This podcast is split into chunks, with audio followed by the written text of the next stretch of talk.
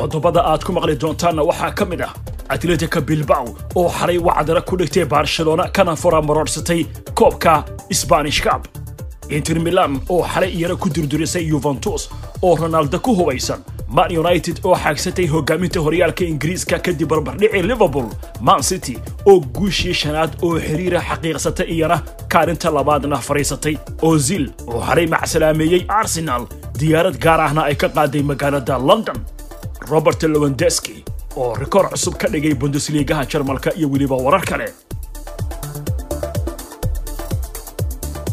ha yeeshee aan ku horrayne inter milan ayaa xoojisay rajada ay ka leedahay in ay ku guulaysato horyaalka talyaaniga ee seere aaga oo ay ugu dambaysay xilli ciyaareedkii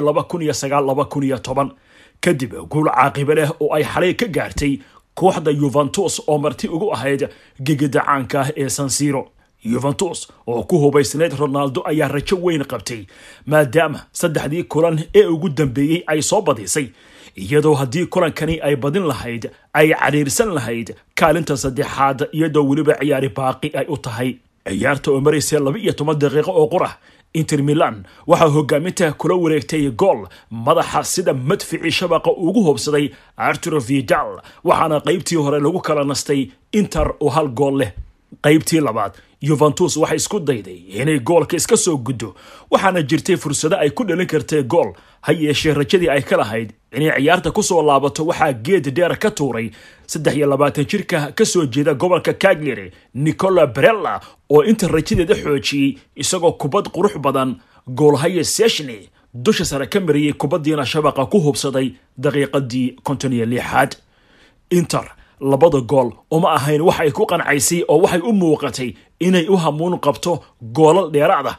Waxaana ay sii kordhisay weerarka cirka iyo dhulka ah ee ay ku haysay goosha yuventus halka yuventus qudheeda iyana ay wixii xoog iyo xeelad ay haysay iskuu geysay inay goolasha iska soo guddo. Walow taasi ay noqotay halbacaad lagu lisay natiijada ayaa ku soo idlaatay wiilasha andirla berlo inay kala soo dheelmadaan magaalada milan. Guuldarro iyo fururya qaniinsi kulamada kale ee qaybta ka horyaalka talyaaniga ee xalay iyo shalay laysku babacdhigay waxay ahaayeen napoli ayaa garoonkeeda stadio diego armando marandona intay geysatay kooxda fiorentina waxay ku xasuuqday lix gool iyo waxba. Caraton oo iyana gurigeeda stadio ezia sita ku ciyaaraysay ayaa afar gool iyo hal waxay beerka kaga tuntay benevento. Sasulo iyo baarma oo fooda isku daray garoonka mambi stadium citadel hore waxay dhaawaca ku kala jiiteen hal iyo hal. Natiijo taasi la mid a atlanta iyo genowa oo ku hardamay garoonka atlanta ee stadio de bergamo ayaa waxay iyaguna ku kala baxeen eber iyo eber. Shaxda kala horeynta horyaalka talyaaniga ee seere aaga ac milan oo caawa garoonka serdiana arena marti ugu ah kooxda kaglieri ayaa koowaad ku jirta iyadoo leh afartan dhibcood. Waxaase ay dheeraysan kartaa haddii kulankani ay caawa badiso labaad waxaa ku jirta inter milan oo iyana afartan dhibcood leh. Saddexaadna napoli oo soddon iyo afar dhibcood urursatay ayaa fadhida. Halka afaraadna ay ku jirto rooma oo leh soddon iyo afar dhibcood. Xagga gooldhalinta waxaa shan iyo toban gool ku hogaaminaya wiilka yuventus maaliyadda u xirta christiano ronaldo. Waxaa baacsanaya oo min laba iyo toban gool leh romano lukaku oo inter milan u ciyaara iyo weliba kiro immobili oo laziya u safta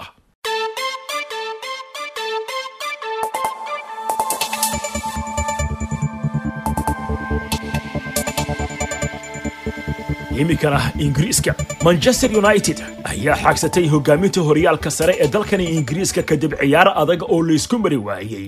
oo xalay ay la yeelatay kooxda koobka daafacanaysa liverpool oo ay marti ugu ahayd gigida caanka ah ee anvil stadium kulankani oo u muuqday mid lagu kala qiimeynaya kooxahani gaar ahaan in united lagu tijaabiyo inay tahay kooxda xilligani u qalanta inay koobka qaado halka liverpool iyana ciyaarihii la soo dhaafay ay gooldhalinta xishood iyo indhakaqarsi ay kaga jirtay tababaraha manchester united ole gana sosha oo ciyaartani ka hor hadlay ayaa sheegay in kulankani uu yahay tijaabada ugu adag taasi oo ula jeeday inay koobka ku guulaysan karaan markii ugu horreysay tan iyo labadii kun iyo saddex iyo tobankii.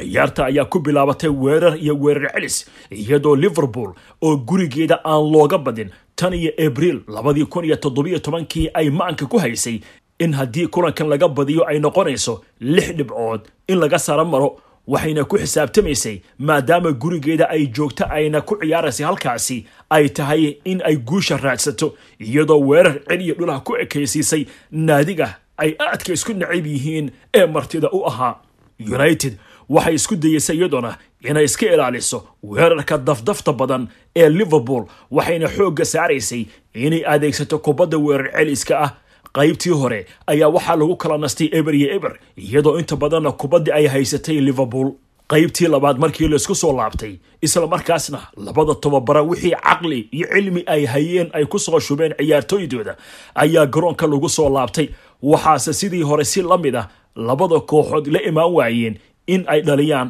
wax gool ah. Walow goolhayaasha labada naadi waa david dihaya iyo alison ay kubado lagu soo toogtay ka badbaadiyeen shabaqooda gaar ahaan bruno fernandes iyo tiaga alcantara oo fursado cajiib ah labada dhinacba u kala helay. Natiijadan goolla-aanta ah ayaa uga dhigan liverpool in saddexdii ciyaar ee la soo dhaafay aanay dhalin wax gool ah ciyaaraha premier leaga waxaana ugu dambeysay indhaxumadaasi oo qabsata bishii may labadii kun iyo shantii. Man united ciyaartani waxay ahayd tii lix iyo tobnaad oo iyadoo marti ah aan dhinaceeda dhulka la dhigin kulamadaasina labiyo toban waa ay badisay afarna barbardhac ayay gashay. Liverpool oo gurigeeda ku noqotay mukuraal mininkeeda joogta miciyo libax bay leedahay. Waxay ciyaartaasi ahayd tii lixdan iyo sideedaad oo garoonka anville aan looga badin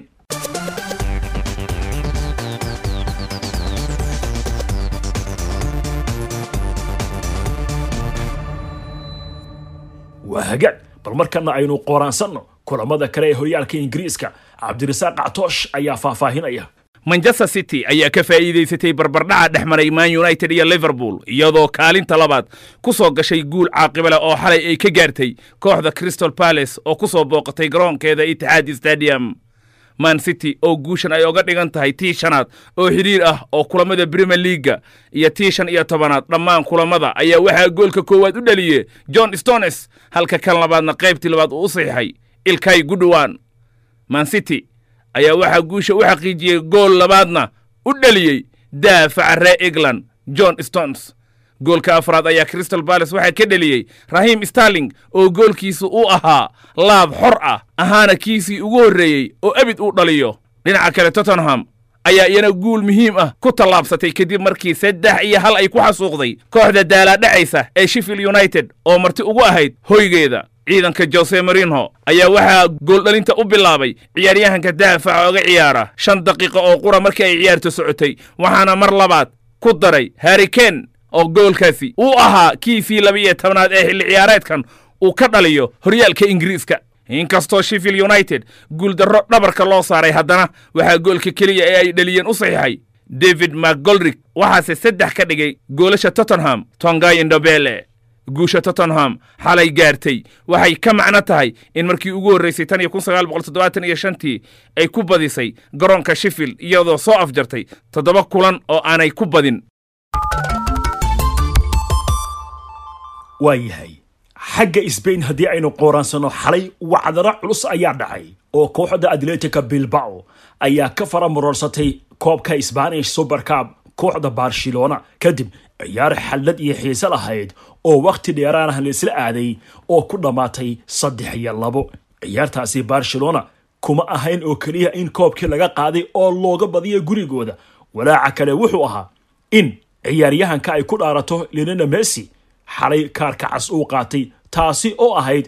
markii ugu horeysay ee kooxda barcelona isagoo u ciyaaraya ciyaartooygaasi oo toddoba boqol iyo konton iyo saddex kulanna uu u saftay uu qaato kaarka cas. Kaarkan cas ee xalay uu qaatay soddon iyo saddex jirka reer argentin ayaa laba mar waxaa lagu siiyey isagoo xiran maaliyadda waddankiisa mare wuxuu ahaa ciyaar saaxiibtinimo oo waddanka hungary oo la ciyaarayay labadii kun iyo shantii. Ciyaartaasi oo ahayd tiisii ugu horreysay ee uu safto iyo weliba kulan kale oo qayb ka ahaa kooba america oo ay la ciyaarayeen labadii kun iyo sagaaliyo tobankii xulka waddanka jili atletica bilbao ayaa ku timid dhammaadka ciyaarta kadib markii ay ka soo takhalustay kooxda real madrid waxayna noqonaysaa markii ugu horeysay ee atletica bilbao. Laba ciyaar oo isku xiga ay ka badiso barcelona iyo real madrid tan iyo bishii juun kun iyo sagaal boqol iyo lixdankii. Barsha oo ku xisaabtamaysay in ciyaarta laba iyo hal ay ku badin karto ayaa kooxda atletica bilbaw daqiiqadihii ugu dambeeyey waxay la timid gool iyadoo ciyaartiina laba iyo laba ay noqotay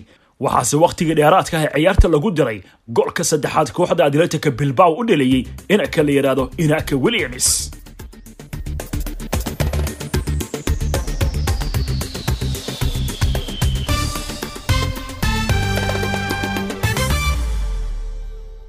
Iminkana xagga talyaanigu bal wax yar aynu qooraansanne weeraryahankii hore ee kooxda yuventus iyo bayer mushin inanka la yidhahdo maria manzitich ayaa la filayaa in uu u saxiixo kooxda ac milan. Kawsar maxamed cabdulaahi ayaa warbixintan soo jeedinaysa.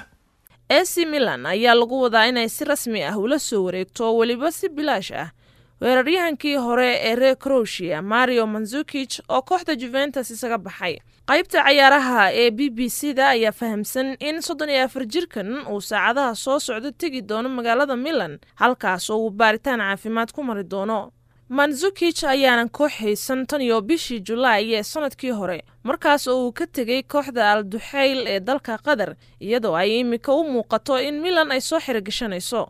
manzukich ayaa champions leaga la qaaday bayan munikh sannadkii labada kun saddex iyo tobankii waxaana uu ka caawiyey juventus inay ku guulaysato horyaalka talyaaniga ee siriaaga labada kun shan iyo tobankii iyo labada kun sagaal iyo tobankii. Waxaa kale uu dalkiisa karowshiya uga qayb galay koobka adduunka ee sannadkii labada kun sideed iyo tobankii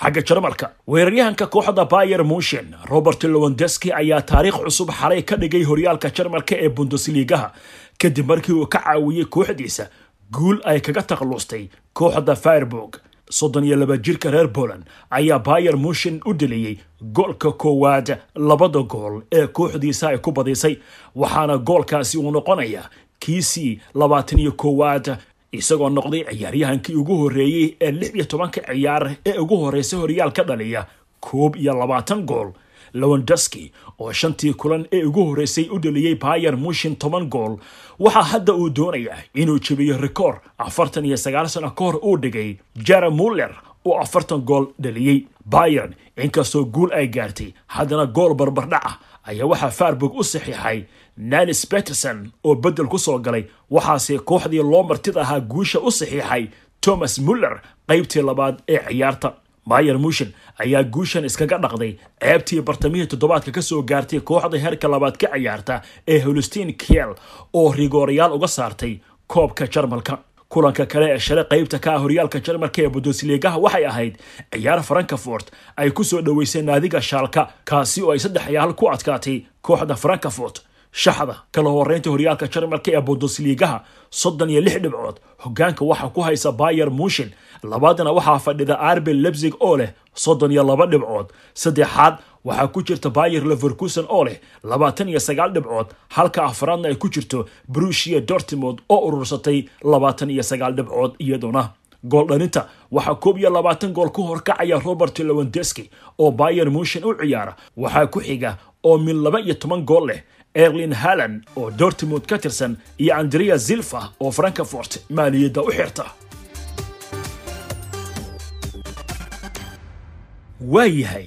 iminkana bal aynu eegno ciyaartoygii hore ee kooxda arsenal ee kubadqaabeeyaha mascuud ozil ayaa xalay magaalada london uga safray diyaarad khaas ah taasi oo u qaaday dalka turkiga halkaasi oo la filayo inuu caafimaad ku maro isagoo ku biiri doona kooxda fanabaje ee ka ciyaarta horyaalka sare ee dalka turkiga. Ozil ayaa intii aanu ka safrayn london waxa uu tegay xarunta tababarka kooxda arsenal ee coloni halkaasi oo la soo sheegayo inuu ku macsalaameeyey maamulka iyo ciyaartoyda iyo weliba shaqaalaha kooxdaasi oo uu ka tirsanaa ilaa iyo labadii kun iyo saddex iyo tobankii. Soddon iyo laba jirkan ayaa arsenal u ciyaarayay ilaa iyo xilligaasi waxaanu kula guulaystay koobka f ega saddex mar.